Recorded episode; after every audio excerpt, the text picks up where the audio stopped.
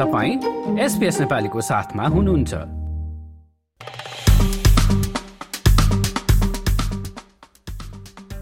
अब भने पछिल्ला सात दिन नेपालका संचार माध्यममा हेडलाइन बनेका समाचारहरूको विश्लेषण सुनौ नेपालका पत्रकार सबिन धमलाबाट हामी तपाईँलाई जानकारी दिन चाहन्छौ कि कुराकानीमा व्यक्त गरिएका विचार एसपीएस नेपालीको नभई पत्रकार धमलाका व्यक्तिगत विचार हुन्। यो हप्ता नेपाल विभिन्न घटनाक्रमले उथल पुथल जस्तो नै देखिएको छ। केही राम्रा कुराहरू छन् केही निराशाजनक कुराहरू छन्। म एउटा राजनैतिक प्रसङ्गबाट सुरु गर्छु। अहिले नेपाली काङ्ग्रेसको महासमितिको बैठक चलिरहेको छ। त्यसमा चलिरहेको राजनीति र त्यो राजनीतिसँग जोडिएका विभिन्न कोणहरूका प्रतिवेदन प्रस्तुत भएर सुरु भएको नेपाली काङ्ग्रेसको महासमितिको बैठक आज सकिँदैछ। यहाँ विभिन्न पाँचवटा प्रस्तावहरू पेश भएका छन्। ती प्रस्तावमाथि समूहगत छलफलहरू जारी छन् र आज नेपालको समयअनुसार अपराह्न दुई बजी पछाडिको समापन कार्यक्रम पछाडि महासमिति बैठक सकिनेछ। यसमा मुख्यतया दुईवटा कुराले अहिले नेपाली सञ्चार माध्यम र जनमानसमा पनि यसले असर गरेको देखिन्छ। त्यो भनेको महामन्त्री द्वय गगन थापाले प्रस्तुत गर्नुभएको साङ्गठनिक प्रस्ताव र अर्का महामन्त्री विश्वप्रकाश शर्माले प्रस्तुत गर्नुभएको राजनीतिक प्रस्तावको विषयमा छ। अहिले जुन राजनीतिक जगबाट अहिलेको सरकार निर्माण भएको हो त्यो राजनीतिक जगका बारेमा प्रश्नहरू उठाइएको छ र त्यो अब नदोरिने गरी सङ्कल्प गरेर अगाडि जानुपर्ने छ भन्ने प्रस्ताव दुइटै महामन्त्रीको त्यो प्रस्तावमा परेको छ। त्यो भन्नुको अर्थ के हो भने अहिले नेपाल राजनीतिको जग र अहिले शासकीय जग चाहिँ गठबन्धनको गठबन्धन गरेर सरकार बनाएको निर्वाचनमा होमिएको र त्यसैको प्रतिफलको रूपमा यो सरकार सञ्चालन छ। यसमा प्रमुख हिस्सेदार नेपाली काङ्ग्रेस हो भने यसले नेपाली काङ्ग्रेस जन जो तलसम्म रहेका काङ्ग्रेस जनमा चाहिँ यसले एक प्रकारको निराशा जन्माएको छ र कङ्ग्रेसीहरू कङ्ग्रेसी नै रहन सकेनन् भन्ने अवस्था का कारण अब चाहिँ निर्वाचनमा पनि एक्लै लड्नुपर्ने र पार्टी सुदृढीकरणमा जानको लागि चाहिँ गठबन्धनलाई लामो समयसम्म अगाडि लैजान हुँदैन भन्ने अभिप्रायको प्रस्ताव दुइटैमा छ। त्यसमाथि धेरै छलफलहरू पनि भएका छन्। सम्भवतः यसलाई केही परिमार्जनसहित पास हुनेछ। एकातर्फ भने महासमितिको बैठकको मुख्य चर्चाको विषय यही छ। यसमा अर्को कोणबाट हेर्दाखेरि अहिले जनस्तरमा भएका विभिन्न प्रश्नहरू र जनस्तरमा ज जनजनले भोगेका प्रश्नहरूका बारेमा चाहिँ महासमिति बैठकमा कुराहरू आएनन् विषयहरू आएनन् प्रस्तावहरू आएनन् भनेर पनि आलोचना हुने गरेको छ। यो केही हदसम्म सही पनि हो। अहिले जनताले भोगिरहेका समस्याहरूको बारेमा देशकै सबभन्दा ठुलो पार्टीको महासमितिको बैठकमा प्रस्ताव बनेर या विषय बनेर छलफलको विषय बन्न नसक्नु चाहिँ दुःखद हो भन्ने टिप्पणीहरू पनि हुन थालेको छ। अर्को दोस्रो ठुलो दल नेकपा एमालेको केन्द्रीय समितिको बैठक पनि अहिले जारी छ। अहिले संसदमा विपक्षी दलको रूपमा रहेको नेकपा एमाले सरकारप्रति निरन्तर चाहिँ आगो ओकलिरहेको हामीले पाइरहेका छौँ। उसे चाहे त्यो पूर्व पश्चिमको सङ्कल्प यात्राको माध्यमबाट होस् या सडक सङ्घर्ष गर्ने भन्दै पत्रकार सम्मेलन गरेर होस्। अहिले केन्द्र समितिको बैठकमा यी विषयहरूले पनि प्रवेश पाएका छन् भने त्यसमा दुई तिनवटा अरू आन्तरिक विषयवस्तुहरू पनि अहिले सञ्चार माध्यममा चर्चाको विषय बनेको छ।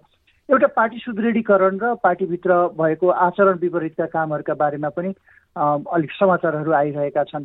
र सँगसँगै भनेको संसदीय भूमिकामा पार्टी कमजोर भएको भन्ने विषयमा पनि प्रश्नहरू उठेका छन्। त्यसबारेमा पनि छलफल भएको छ र केही नेताहरूले नेतृत्वप्रति पनि प्रश्न गरेका छन्। त्यसमा पार्टी अध्यक्ष केपी शर्मा ओलीको कार्यशैलीप्रति पनि प्रश्न उठाइएको छ।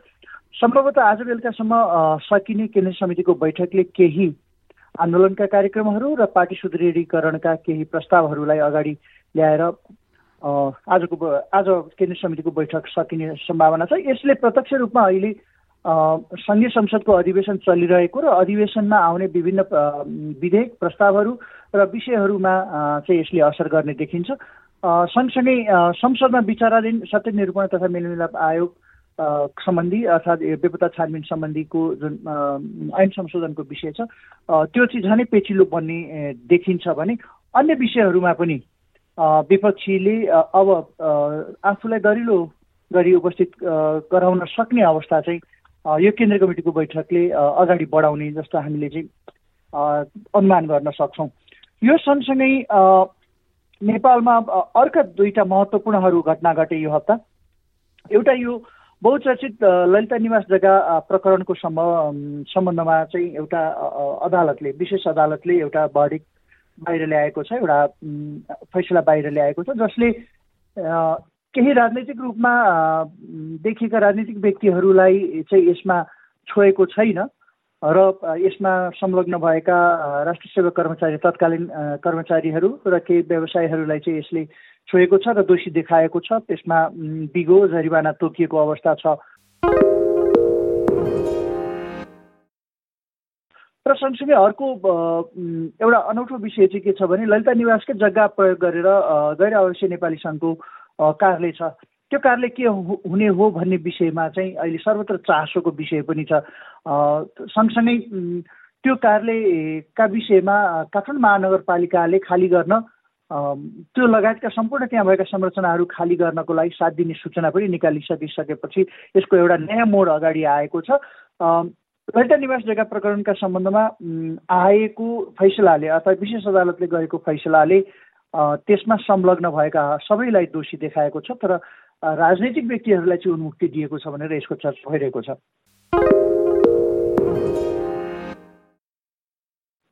र यो सँगसँगै अर्को भनेको यो मेलम्ची खानेपानी आयोजना सम्बन्धमा पनि केही पूर्व कर्मचारीहरू दोषी देखिएको छ। यसबारेमा पनि अख्तियारले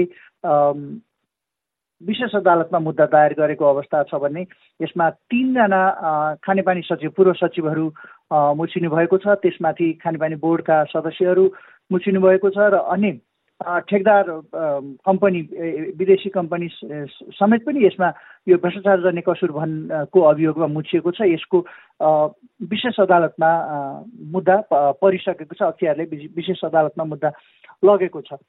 यो सँगसँगै यो हप्तामै चाहिँ देशका विभिन्न क्षेत्रबाट मिटर ब्याजी पीडितहरू काठमाडौँ आइरहेका छन्। लघुवित्त पीडितहरू काठमाडौँ आइसकेका छन् भने मिटर ब्याजी पीडितहरू काठमाडौँ हिजो बेलुका साँझ काठमाडौँ भित्रिएका छन्। यो सङ्ख्या एकदमै ठुलो छ।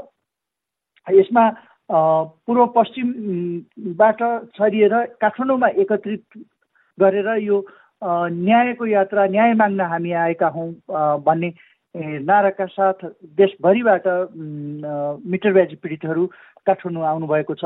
योभन्दा अगाडि गौरीबहादुर कार्कीको संयोजकत्वमा गठित आयोगले दिएको प्रतिवेदन राम्रोसँग कार्यान्वयन हुन नसक्दाखेरिको परिणाम पनि फेरि मिटर ब्याजी पीडितहरू काठमाडौँ आउनु परेको अवस्था छ। यसमा सामान्य प्रधानमन्त्री पुष्पकमल दाहाल प्रचण्डले हिजो मिटर ब्याजी पीडित र लघुवित्त पीडित सम्बन्धमा यसका प्रतिनिधिहरू र अन्य सरकारवालाहरूसँग छलफल गरेर अगाडि टुङ्गो लगाउँछु भन्ने कमिटमेन्ट बाहिर ल्याउनु भएको छ भने यसबारेमा अब थप विषय चर्चा होला। अर्को सुगत प्रसङ्ग मैले यहाँ कोट्याउन चाहेँ। नेपालले बङ्गलादेशलाई पनि विद्युत व्यापार गर्न सक्ने सम्भावनाको ढोका खुल्ने भएको छ।